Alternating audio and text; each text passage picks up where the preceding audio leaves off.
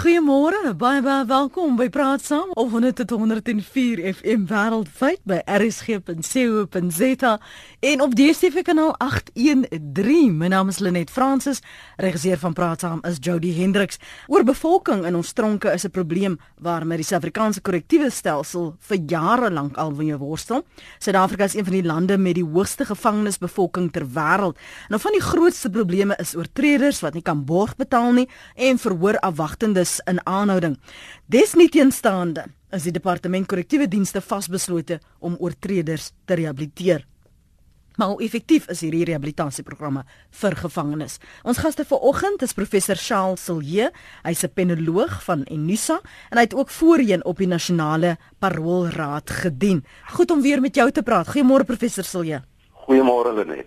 En ons gesels ook met Indile Zweni, hy's die voorsitter van SASAPO, dis die South African Sentenced and Awaiting Prisoners Organisation. Goeiemôre Indile, welkom. Goeiemôre uh, Lenet. Baie dankie vir jou tyd vanoggend ook hier op praat saam. Professor Silje, kom ons praat eers vanaf die departement korrektiewe dienste se kant. Ek weet jy's nie meer op daardie parool raad nie, maar jy dra wel kennis van hoe dinge gewerk het. Die, die pogings om um, gevangenes te rehabiliteer en die werk en die suksesse. Hoe weeg dit op teen wat die gewone publiek publiek publiek sê hoe suksesvol dit is al dan nie? Is dit suksesvol? Goed, net voordat ons daarby begin, moet ek sê daar is nog 'n groot mate van ambivalensie. Mm. Want aan die een kant is daar die gemeenskap wat baie pertinent is deesdae wat sê gooi hulle in die gevangenis en gooi die sleutel ook weg. Aan die ander kant is daar nou weer die staat wat 'n regsplig en 'n morele plig het om oortreders te behandel en dan ook te rehabiliteer.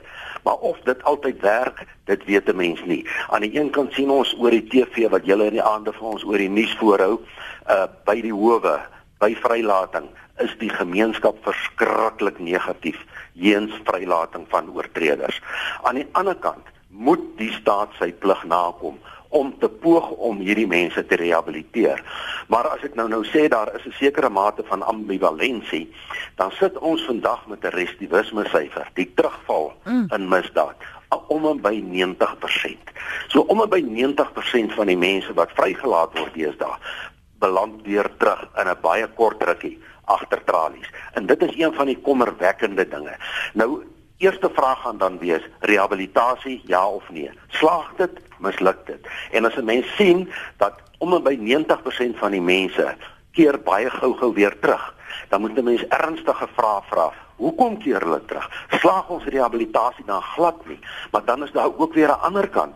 Die gemeenskap is so negatief heens vrygelate oortreders.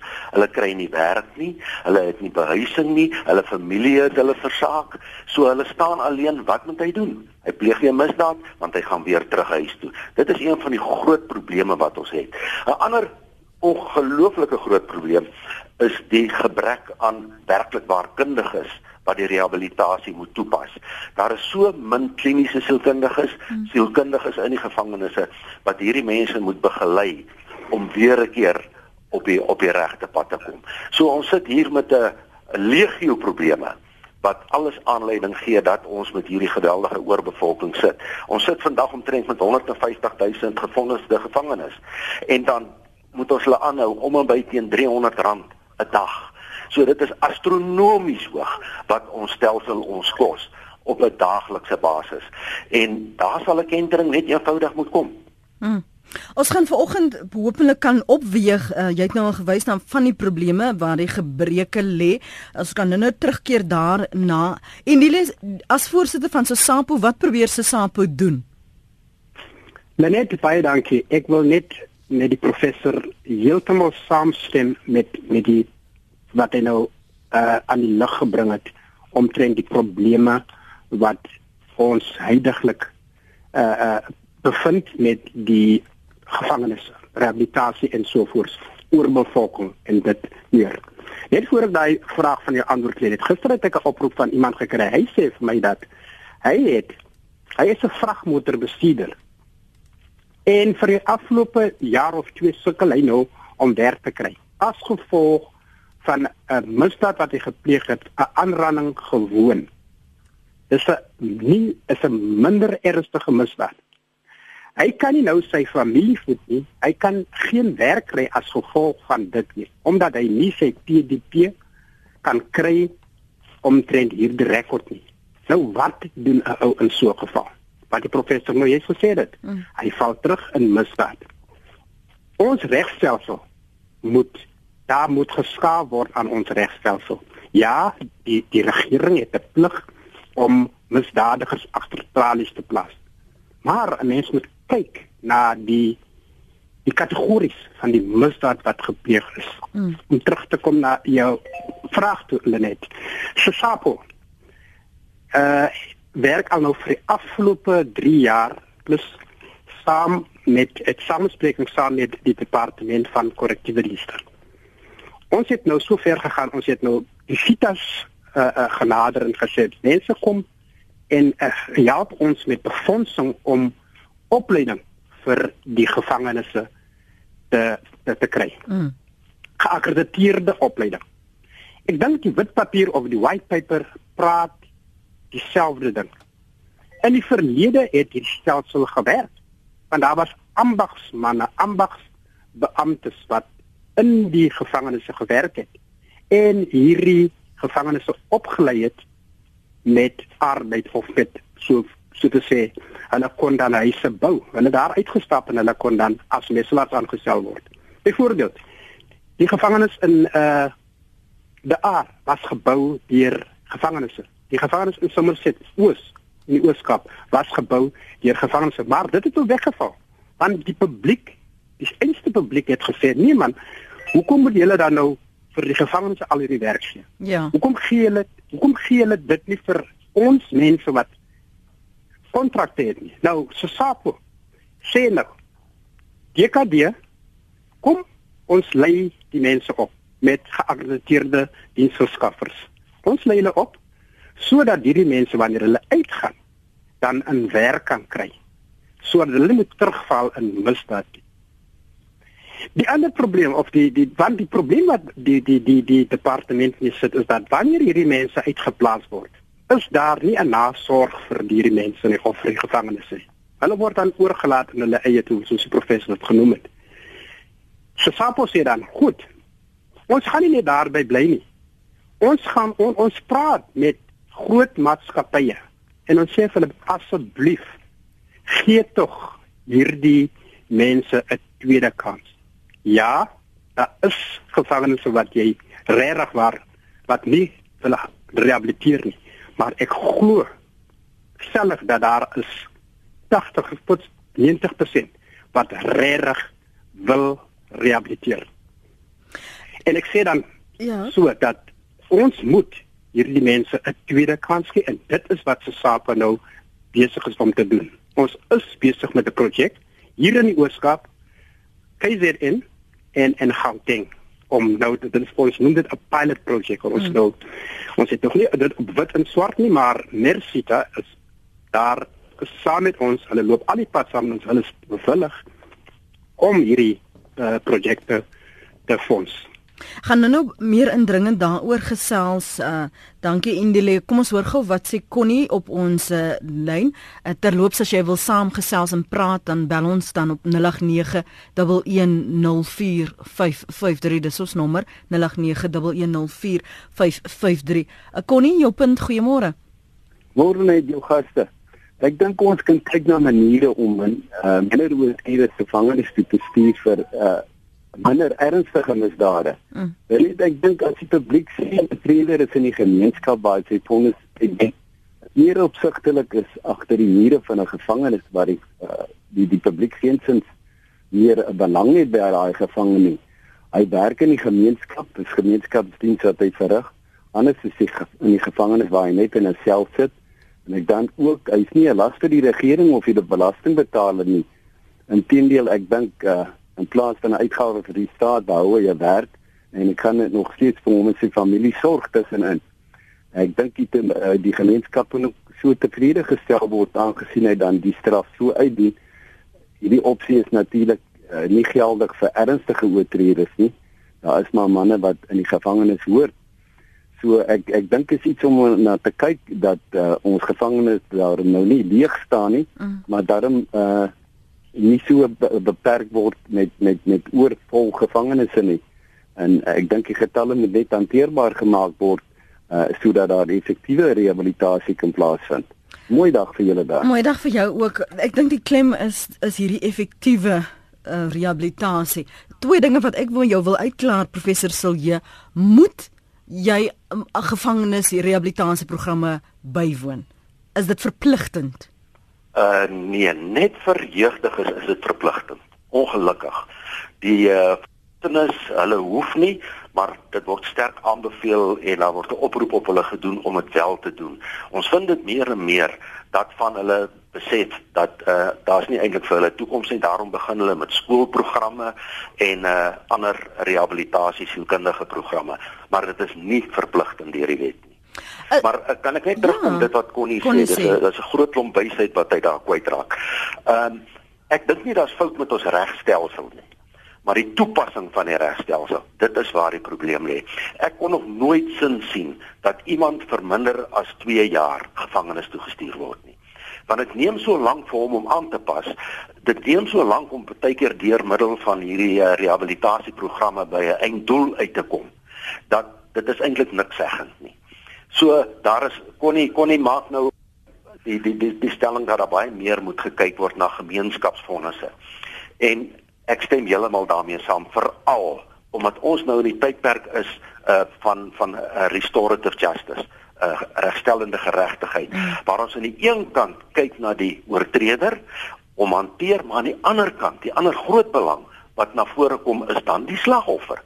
En daai mense wat dan daai misdaad gepleeg het, kan dan 'n diens gaan lewer aan die direkte slagoffer of die indirekte slagoffer. En sodoende is Corrie se uh, Connie se argument so suiwer dat kos die staat nie geld nie, die gemeenskap gaan vertroue kry. Ehm um, ons het vanmôre gehoor van die die aardse gevangenes. Daar is soveel kundigheid wat onder hierdie mense lê. Stuur hulle dan soontoe, laat hulle daar gaan werk en dat hulle daar kan kan kan geld verdien.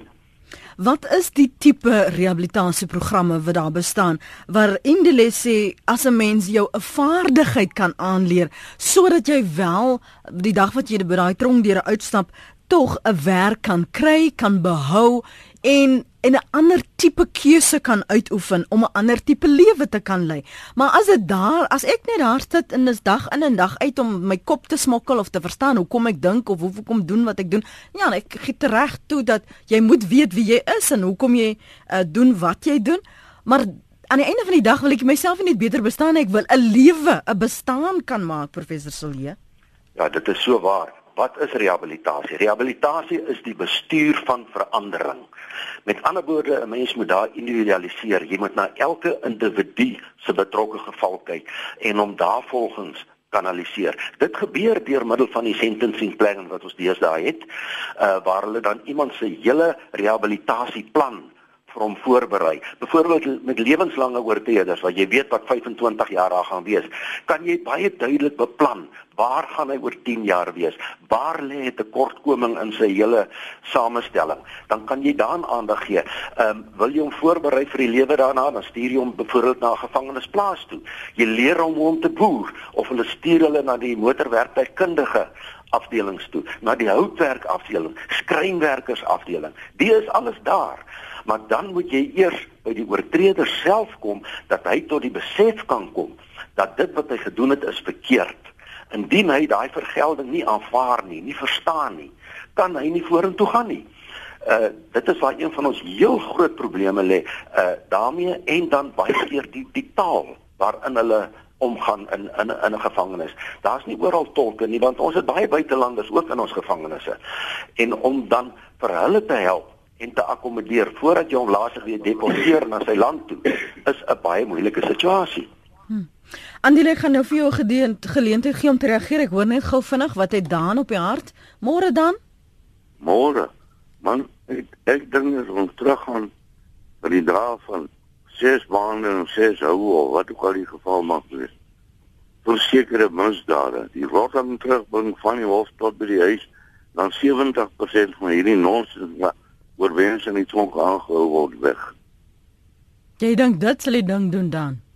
Dis verseker. OK. Kom ons Indile.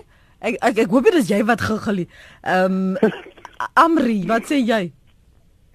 Nee, uh, ek ek wil net teruggaan na wat die professor daar genoem het. Ja, rehabilitasie, rehabilitasie van gevangenes. Ja, ons moet kyk na die rehabilitasie dat so die, as jy ou dan uitkom dan kan jy werk kry. Maar aan die ander kant is hierdie stigma wat daarmee gepaard gaan wanneer 'n ou in die tronk gewees het en sê, "O, oh, vader, hy was in die tronk. Ons kan hom nie aanvaar nie." Daar is geen wet wat sê 'n persoon wat gevangenisstraf uitgedien het, mag nie werk nie. Daar is geen wet wat dit wat wat wat wat wat daar wat wat staan in die in ons hof of ons wetboeke. Ek ek ek het ook uh, extendie maar saam ons moet die gevangenes laat besef wat hy of sy gedoen het was verkeerd. Dis ons eerste plek en dit is juist wat Sasapo doen. Sasapo gaan in die gevangenes in en en, en praat met die gevangenes sodat hulle kan besef dat wat hulle gedoen het was en is verkeerd. Hulle moet dit aanvaar. Tweedens, moet ons kyk na nie net aan uh werksgeleenthede soos employment nie. Ons moet kyk na self-employment. Waar die ou vir homself kan werk. Wat die SAPO ook dan wel doen is dat om ons help hulle om ko-ops te stig of besighede te stig, klein besighede te stig sodat hulle as 'n groep kan gaan werk soek of werk kry in die gemeenskap as ook binne dieselfde stelsel waarna hulle kom en dan word die departement van korrektiewe dienste want wat nou heidaglik gebeur is dat die departement uh, kontrakteer nou werke uit na privaat maatskappye uit ek sê nie daarmee saam ek sê dat ons moet nou kyk. Ja ons kan dit nog steeds doen maar ons moet ook grootliks kyk na die koöperasie of die besighede van hierdie wat die gevangenes gestig het en hulle dan 'n kans gee. En sê ek goed.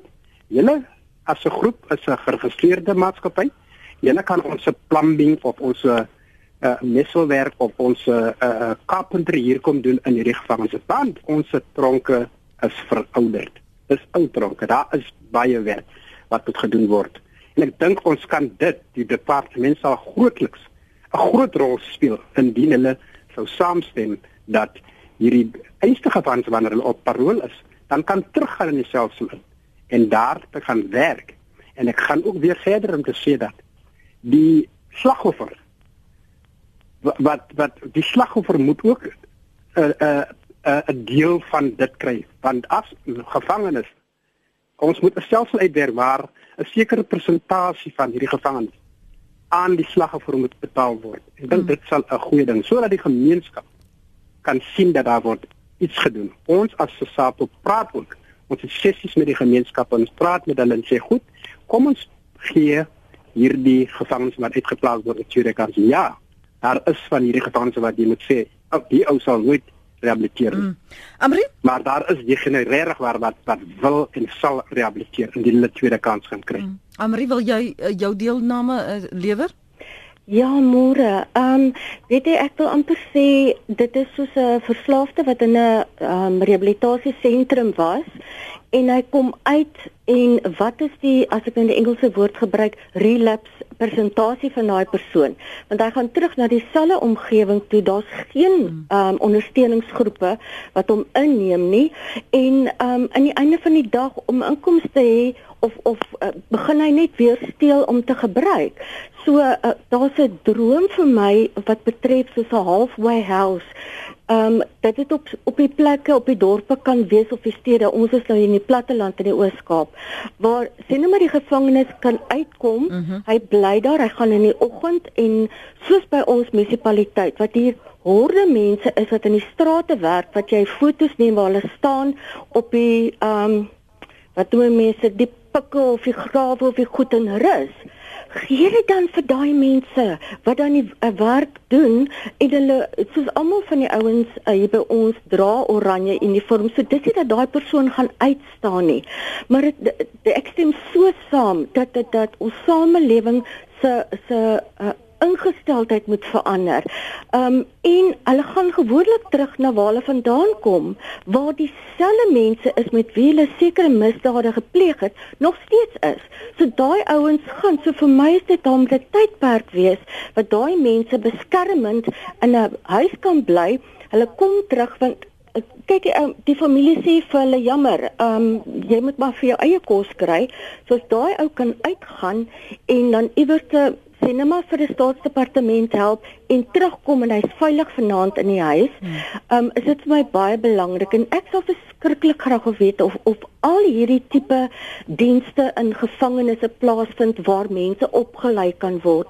Ek ken iemand wat in Oos-London in 'n gevangenis was weet jy sy het in die straat geloop sy wou nie alleen terugloop het toe sy uitgekom het sy het angsaanvalle gekry want daar's geen geen ehm um, O nou gebruik ek weer die woord ondersteuning mm. vir haar. Daar's nie vang net nie. Ja, waar sy teruggekom het nie. Daar's geen hulp nie, maar die die korrektiewe dienste maatskaplike werkers haar nie deur die proses van aanpassing mm. as sy klaar buite is nie. Mm. So so 'n ou moet daarop kan dink en en wat van uh, ek sou kundiges of maatskaplike werkers of daai mense wat 'n Zuma jaat en hoekom kan hulle dit in ons gevangenisse gaan doen nie waar die nood so groot is en weet jy die spesifieke vrou het gesê sy wens sy kan eendag anoniem haar storie vertel van die ervaring wat sy in die gevangenis gehad het want ek moet vir sê dit is scary toe ek dit hoor. So so vir my is dit dis wonderlik wat ek hoor wat besig is om te gebeur want gewoonlik is die Ooskaap half heel onder aan die lys sê, maar uh, dit gaan vir my oor 'n dorp en 'n gemeenskap wat mm. wat regtig begin moet verantwoordelikheid vat want hulle kla oor die misdaad wat weer gebeur, mm. maar wat doen hulle om vir daai ouens 'n kans te gee? Ek hoor jou baie baie dankie vir daardie inset Amri ja. waardeer dit. Professor Silje kan ons nou bekostig om terug te gaan na die rotting enerzijds en dan nou net ook die kommentaar van wat Amri vanoggend sê, die uitdagings en wanneer jy uitkom, maar jy is, is reg op jou eie. Ja, weet jy, dit is nou half ironies. Ek het nog jare terug aan die vroeë 70er jare mm? het ek my uh, meestersverhandeling gedoen oor lyfstraf en uh, ek het baie van die lyfstraf uh, sittings ook self bygewoon waar die man dan die laaitjies kry sê soue en ek moet sê dit was bedrewe polisman wat daai ouer neergesit het. Ehm uh, maar nou aan die ander kant weer het ons grondwet of kom konstitusionele hof en gesê dit is absoluut ongrondwetlik. Ons kan dit nie doen nie. Dit is 'n misstandtasting en 'n aantasting van 'n mens se dignitas en jy jy jy kan dit verseker nie doen nie. Maar nou, vir my interessante ding is Daai tyd het ons studies gedoen, empiries gedoen en gekyk wat is die ware afskrikwaarde daarvan. En uh in die daad toe ek nou nog by die nasionale raad was, dan gaan ons deur die leers en ons kyk na die geskiedenis van die oortreder om nou te, te besluit of hy op parol kan vrygelaat word. En dit was altyd vir my interessant om na die vorige oortredings te kyk. Dat daar ouens is wat 2, 3 keer laaitjies gekry het in die verlede, maar hy het nogtans 'n moord gepleeg. So dit dit wys net vir 'n mens weer dat die werklike afskrikwaarde daarvan is dalk nie so suiwer of seker as wat ons daai tyd aangeneem het nie. Aan die ander kant nou weer wat Amri gesê het uh, rondom die Haalberghuise. Ek stem heeltemal daarmee saam. Ons het 'n baie goeie gevestigde 'n dagparoolstelsel in Suid-Afrika waar iemand dan vir 6 maande of 9 maande onder dagparool geplaas word. Dit beteken dat hy in die dag uitgaan, hy kan gaan werk, hy kan gaan geld verdien, hy kan gaan werk soek, hy kan 'n kursus gaan loop, maar dan kom hy in die aand weer terug na die gevangenis toe en hy kry weer sy kos en sy klere, al daardie tipe dinge hoekom die halweghuise by ons nie heeltemal gewerk het nie, is weer 'n keer 'n vingerwysing na die gemeenskap wat nie werklik waar betrokke wil raak daarbey nie. Want dit beteken soos jy soos hulle in Engels sê halfway in the system but also halfway out of the system. Hmm. So die staat moet sy uh, verantwoordelikheid nakom by 'n gas uh, by 'n halweghuis, maar die gemeenskap ook. So dit wat die staat bydra dit dit gebeur so in Engeland. Dit moet die gemeenskap ook gee. En nou het ons nie begin gesê die negativiteit by die gemeenskap om betrokke te raak by hierdie ding. Dit is dalk waar die groot probleem lê. 'n Laaste klippie wat 'n mens miskien net kan ingooi. Hoekom ons nie heeltemal vergelyk kan word met ander stelsels waar dit goed werk nie, is dat ons het nie 'n sentrale staatskompensasiefonds vir slagoffers van misdaad nie. Jy kan baie duidelik sien in die lande waar dit het waar die staat die slagoffer vergoed vir pyn en lyding, 'n uh, trauma wat hy beleef het, hospitalisasie, al daai tipe dinge. Uh kan jy baie duidelik in daai lande sien dat die vertroue wat die mense het in die regsplegingsstelsel is uh, is baie suiwer en uh hulle raak baie makliker betrokke by staatsinstellings soos dan alwegreise. Mm. As ons nog gou vinnig kyk na na die omstandighede, jy het ver oggend gesê professor, die terugvalkoers dan nou is 90%. Hoekom het ons nog nie heroorweging van hierdie bestaande programme gesien nie? Jy kan mos nie 90% terugvalkoers het en nie sien daar is fout nie. Uh, hulle net daar skitterende programme. Ek weet uh, kommissaris hulle net ehm um, net plaatjies hulle.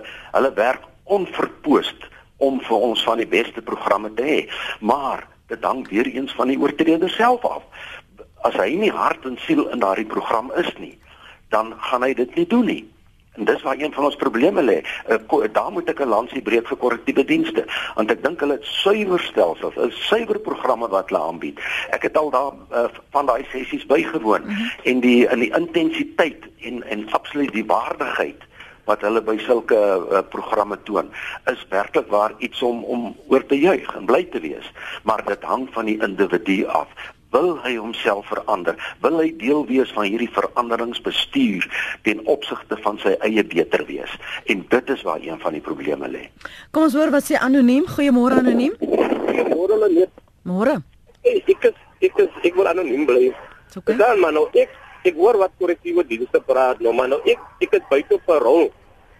Wat ek voel korrektiewe dienste vir my dit as as as geskik was dan ek kom met die werk gaan met hulle laat met laat laat laat so die korrektiewe sê met die werknemer waar van dan kry lankpad weer. Ek ek weet as reëls en regulasies wat ek moet doen met korrektiewe dienste maar in waar ek ook in 'n huis is ek wil uit ek moet 'n brood wanneer ek moet 'n brood bring op die tafel maar nou ek kom om 'n brood te kan verdien dienste sê vir my wat ek kan nie die weer kry nie. Wat ek voel nou. Ek is ek is ek is ek is teruggesit. Wat ek staan ek moet doen nou. So Oké okay, nou maar hulle sê jy kan nie die werk kry nie. Wat is hulle redes? Ek neem aan daar's kriteria waaraan die werk moet ja, voldoen. Ja, die rede is verstaan hulle sê dit is 'n lang pad weer. Ek gaan weer gehardloop en klompe snaakse verskoning waarvan ek sê hulle ek het huis daar, ek het kinders, ek het twee kinders wat ek moet sorg. Verstaan? Kinders wat moet wat moet die skool gaan, kinders wat geld benodig op die skool. Verstaan? Nou ek sit hier by die huis. As gevolg van hulle van die werknemer sê vir my, hy hy, hy laat my toe in sy werk al as ek op parol al ek kom ek die gevangenes uit. Maar hy gee my weer daai kan na korrektiewe dienste sê. Hulle kan dit vir my gun. Verstaan? Mm. Want dit hier my loop terug om te sê nee, gaan raak betrokke in bende aktiwiteit, stig iets of doen verkeerde dinge. Verstaan? Want ek sit nou ledig by die huis. My kinders wil iets, my kinders wil opkyk na my. Hoor jy? Ek hoor jou, ek hoor jou anoniem. Dankie dat jy gebel het. Nou sit ons ook met 'n gevoorval. Ehm um, ek is seker julle albei dra kennis daarvan in die lewe waar ehm um, een gevangenes, baie bekende een in die Weskaap ook gesê het hy was op 'n rol, hy het 'n werk, 'n solid werk was dit nog gesê en toe vind hulle uit maar hy's uit al daai reëls oortree en dan was nie werklik 'n werk uh, in die sin wat veronderstel is om aan die maatreëls te voldoen nie. So hoe weet 'n mens seker dat soos anoniem se geval dat die werk vir jou binne die reëls hou en dat die werkgewer verstaan wat daardie reëls is. Wat is die samewerkingsooreenkoms wat in plek moet wees? Hoe hoekom kan Jody byvoorbeeld nie in die Kaap gaan werk of in die Parel as hy impuls moet sit of waar ook al ehm, um, Drakensberg nie. Uh, hoekom kan dit nie gebeur nie? Hoekom is daar nie daardie toegeeflikheid of onderhandeling nie in die let? Ek ek, ek dink net die departement versakel en die die potensiale werkgewer moet saamwerk ons ons moet uh kyk na die as so byvoorbeeld as daar byvoorbeeld vyf uh eksgevangenes aangeneem word by 'n werk of by 'n maatskappy moet ons dan die departement in kennis stel sodat daar by die werkgewer 'n persoon moet wees wat gaan liaseer saam met die departement van korrektiewe dienste. Sodat ons kan bevestig of sodat die werkgewer kan bevestig dat daardie vyf persone wel elke dag daar is en daar moet 'n register aangeteken word om te kan bevestig dat hierdie mense wel daar ons ons moet kyk na dit. Ons ek weet van die geval wat u nou pas genoem het maar dit is nou die syndikaat ouens wat dit wat hulle hulle koop hierdie ouens om ons praat dan van hierdie anoniem wat nou gepraat het. Eh, die ou is hy sê hy hy, hy kan nie werk kry nie omdat die die departement uh, uh, gesê het hy kan nie daai werk kry nie. Ek ek ek ek ek ek, ek, ek, ek, ek weet nie wat daarvan te sê nie. Maar uh, ek sal graag wil ingaan in daardie storie in. Maar ek sê dan die die die liasering moet so wees dat die departement en die werkgewer moet paraat wees. Ons moet kan praat met mekaar sodat ons kan bevestig dan die, die persone of die persoon wel daar werk en daar moet 'n register aangeteken word. Mm. Ek dink dit dit sal dit sal dit sal presies uitwerk. Ja, daar's baie daar's baie wat ons moet doen. En die gemeenskap moet moet moet saamwerk. Dit is groot die grootste probleem is dat die gemeenskap moet saamwerk soos wat die ander partye genoem het in hierdie gesprek. Maar maar indere as 'n sample is die ouens wat sê hulle is bereid om rehabilitasieprogramme te doen. Gaan dit omdat hulle werklik wil verander of gaan dit sodat wanneer die paroolraad sit, daar net gelees kan word. Nommer so en so en so het hierdie program en daardie program en daardie program doen sodat dit goed kan lyk, sodat dit hulle tot hulle uh, vo voordeel kan tel. Uh, wat is die motief? Dank, dankie Lenet dat jy dit genoem het. Die gevangenes en die gevangenes hulle doen hierdie programme wat hierdie wat aangebied word in die tronke in. Hulle doen dit omdat hulle wil vrygelaat word wanneer hulle op die paroolraad kom. Baie van hulle doen dit net omdat hulle wil vrygelaat word. Maar die programme wat ons of die die die diensverskaffers gaan aanbied wat geakkrediteer is. Dit gaan vir die ou 'n sertifikaat gee nommer 1. Twee die ou staan dan 'n baie goeie kans dat hy wel gaan 'n werk kry of hy gaan vir homself kan werk wanneer hy die dag daar uitstap. So word dan nog geïnspireer deur die feit dat hy gaan die moontlikheid dat hy 'n werk gaan kry is baie groot. Twee, die moontlikheid dat hy vir homself 'n besigheid kan opsit is ook baie groot. Hmm. Want hierdie kursus op die program wat hy gedoen het, is geakkrediteer. En ek moet sê dat die maatskappye met wie se SAPO werk is baie baie baie goed. Die diensverskaffers althans wat met met met met wat met SAPO nou gaan saamwerk. Mm. Dwars oor hierdie land. En ek sê in alle alle alle provinsies gaan hulle begin werk. Uh, behoort daar meer diverse diversiteit te wees in die sin dat 'n uh, professor sal jy vroeër vanoggend gesê daar's te min kliniese sielkundiges byvoorbeeld Amri het voorgestel uh, ons moet uh, maatskaplike werkers wat hulle op in diensopleidingsjaar doen probeer betrek mense begin uit die boks uit dink oor watter moontlikhede daar bestaan. Maar nou wonder ek, as 'n mens nie almal in 'n as 'n koekie drukker wil sê maar hierdie een lyk soos daardie een lyk soos daardie een lyk soos daardie een nie, dat 'n mens 'n diversiteit van tipe soort rehabilitasie het, um sodat mense kan voel maar Ek het nog 'n tweede kans soos jy sê. Wat is die prosesse en hoe ver voor daar daardie gesprekke? Jy het nou genoem oor die bouwerk en by die in KwaZulu-Natal en en en so aan in die Ooskaap dat dit 'n ander stroom is van moontlikhede. Maar wat anders het julle nou al geïdentifiseer kan 'n mens oorweeg? Kan departement korrektiewe dienste byvoorbeeld oorweeg? Ja, om net terug te gaan na die na maatskaplike werkers. Ons ek moet sê daar is 'n groot tekort aan maatskaplike werkers in die gevangenisse in. En diegene wat daar is, is ook nie elke dag. Hulle kan nie die die al die hoeveelheid van die gevangenes sien so wat verwag word van hulle. Hulle is ook onder baie groot druk. Hmm. Nou ek het al reeds met die departement van arbeid ook gepraat. Hulle sit ook met maatskaplike werkers wat hulle ook kan ander. Hulle probleem was gewees dat die veiligheid van hierdie maatskaplike werkers. Hulle is bereid om hierdie maatskaplike werkers in te plaas in die gevangenes uh, uh, of in die korrektiewe dienste in om te help maar hulle is net 'n bietjie skikkerig vir die vir veiligheid net hulle oor oortuig dat daar is maatskaplike werkers daarin en dit is baie dat die beamptes is elke dag saam met die die maatskaplike werkers om hulle te beskerm. So daar is nie 'n mate waar hulle miskien kan blootgestel word en en dit is baie gering. Mm -hmm. Ja, daar is daar is baie programme net wat wat wat wat wat daar kan gedoen word en en, en as die departement net kan, jy weet, 'n bietjie kan uh uh die redtyd bietjie kan weghou. Mm -hmm. Want daar is te veel redtyd in die in, in die departement ook in.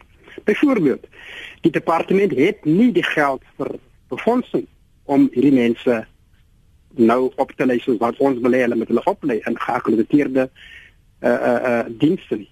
Maar daar is fitas wat bereid is om dit hmm. te doen. Maar daar is so 'n klomp redtyd wat hiermee gepaard gaan. En daar is ook NGO's wat gewillig is om saam te werk. Maar daar is so 'n klomp redtyd wat gepaard gaan hiermee. Dat hierdie ouens soms voel dat uh uh, dit is nie moeite werd. Ek sukkel nou al vir afgelope 3 jaar om die departement te oortuig dat daar kan 'n verandering gedoen word. Departement stem heeltemal saam. Ek het samesprekings met meneer Plaatjes gehad. Sy sy is hard en siel saam met ons programme, maar sy word ook beperk hmm. deur sekere riglyne wat die change supply procurement departement van hulle wat hulle neerlê wat maak dat dit baie baie moeilik is om hierdie programme uit te ek hoop ten minste nou dat dit gaan nou hierdie pilot projek projek gaan mm. nou dan uh vir hulle kan bewys dat dit kan werk. Ja, daar is baie net ek weet nie wat ter een om te noem nie, mm -hmm. maar daar is baie wat die departement kan doen om om saam te werk saam en hulle weet wat hulle kan doen. Dis die stem Ons moet net eie diskresie gebruik dis al. Dis Indile Zwene, voorsitter van SASAPO, die South African Sentenced and Awaiting Prisoners Organisation, en ons praat ook met professor Charles Lee, penoloog van Unisa. Hy het ook voorheen op die Nasionale Paroolraad gedien. Hier is 'n briefie van Jaco en baie dankie Jaco dat jy elke oggend na Praat saam luister. Jaco sê ek is self 'n gevangenes nou al vir 13 jaar. Rehabilitasie in die tronke bestaan nie. As jy as individu nie wil verbeter nie, gaan jy nie. Die DSC sien jou as 'n niks maak nie 'n uh, saak of jy 'n graad of wat ook al agter jou naam het nie.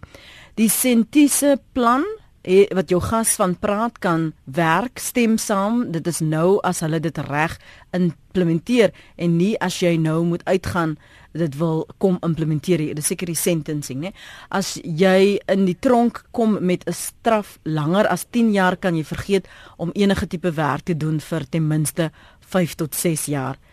Nou Jaco, ek waardeer dat jy luister elke oggend, maar nou worry ek, ek is nou baie diep bekommerd want ek wil nou weet waar kry jy kans om nou hierdie boodskap te stuur? Sit jy met 'n selfoon? Sit jy op 'n rekenaar? Professor, asseblief, uh, laat ek net tot rus te kom. Ek wil nou nie vir Jaco 'n moeilikheid bring nie. Ja, nee, ek weet nie hoe kry dit reg nie. Okay. Mense sê dankbaar hy luister. ek is dankbaar hy luister. Ja, ek is dankbaar dat hy luister, maar Jaco asseblief, laat ons net nie by reëls hou. Professor, kom ons praat oor vernuwing dan. Jy is nou wel nie meer op die uh, nasionale paroolraad nie, maar wat vanuit jou ervaringsveld het jy gesien? Wat is die leemtes? Waar kan ons verbeter? Wat 'n boodskap van betrokkenheid en hoop kan jy vir die gemeenskap gee en dan ook vir die gevangenes wat vanmôre luister of dis 'n familie wat hoop vir 'n tweede kans. Wat moet ons fokus wees vorentoe? Net ek glo in tegnologie. Ehm um, vandat ons begin het met die elektroniese monitering van oortreders wat vrygelaat word en dan word hy soos ons nou maar sê getag, dan kan hy net binne 'n sekere radius kan hy beweeg. Indien hy daar oortree, onmiddellik gaan die alarm af en dan gaan hy terug gevangenis toe. So dit is een van die maniere wat werk, maar nou moet ons een stapie verder gaan. Ons groot probleem lê nie so seer altyd binne in die gevangenis nie, maar by die verhoor afwagtendes. Daar's mense wat 2, 3, 4 jaar verhoor afwagtend is omdat hy nie R50 'n uh, borg kan betaal nie. So hy sit in die gevangenis, hy wag om verhoor te word. Het sy skuldig? Het sy onskuldig? En daarna begin sy gevangenisstraf eers.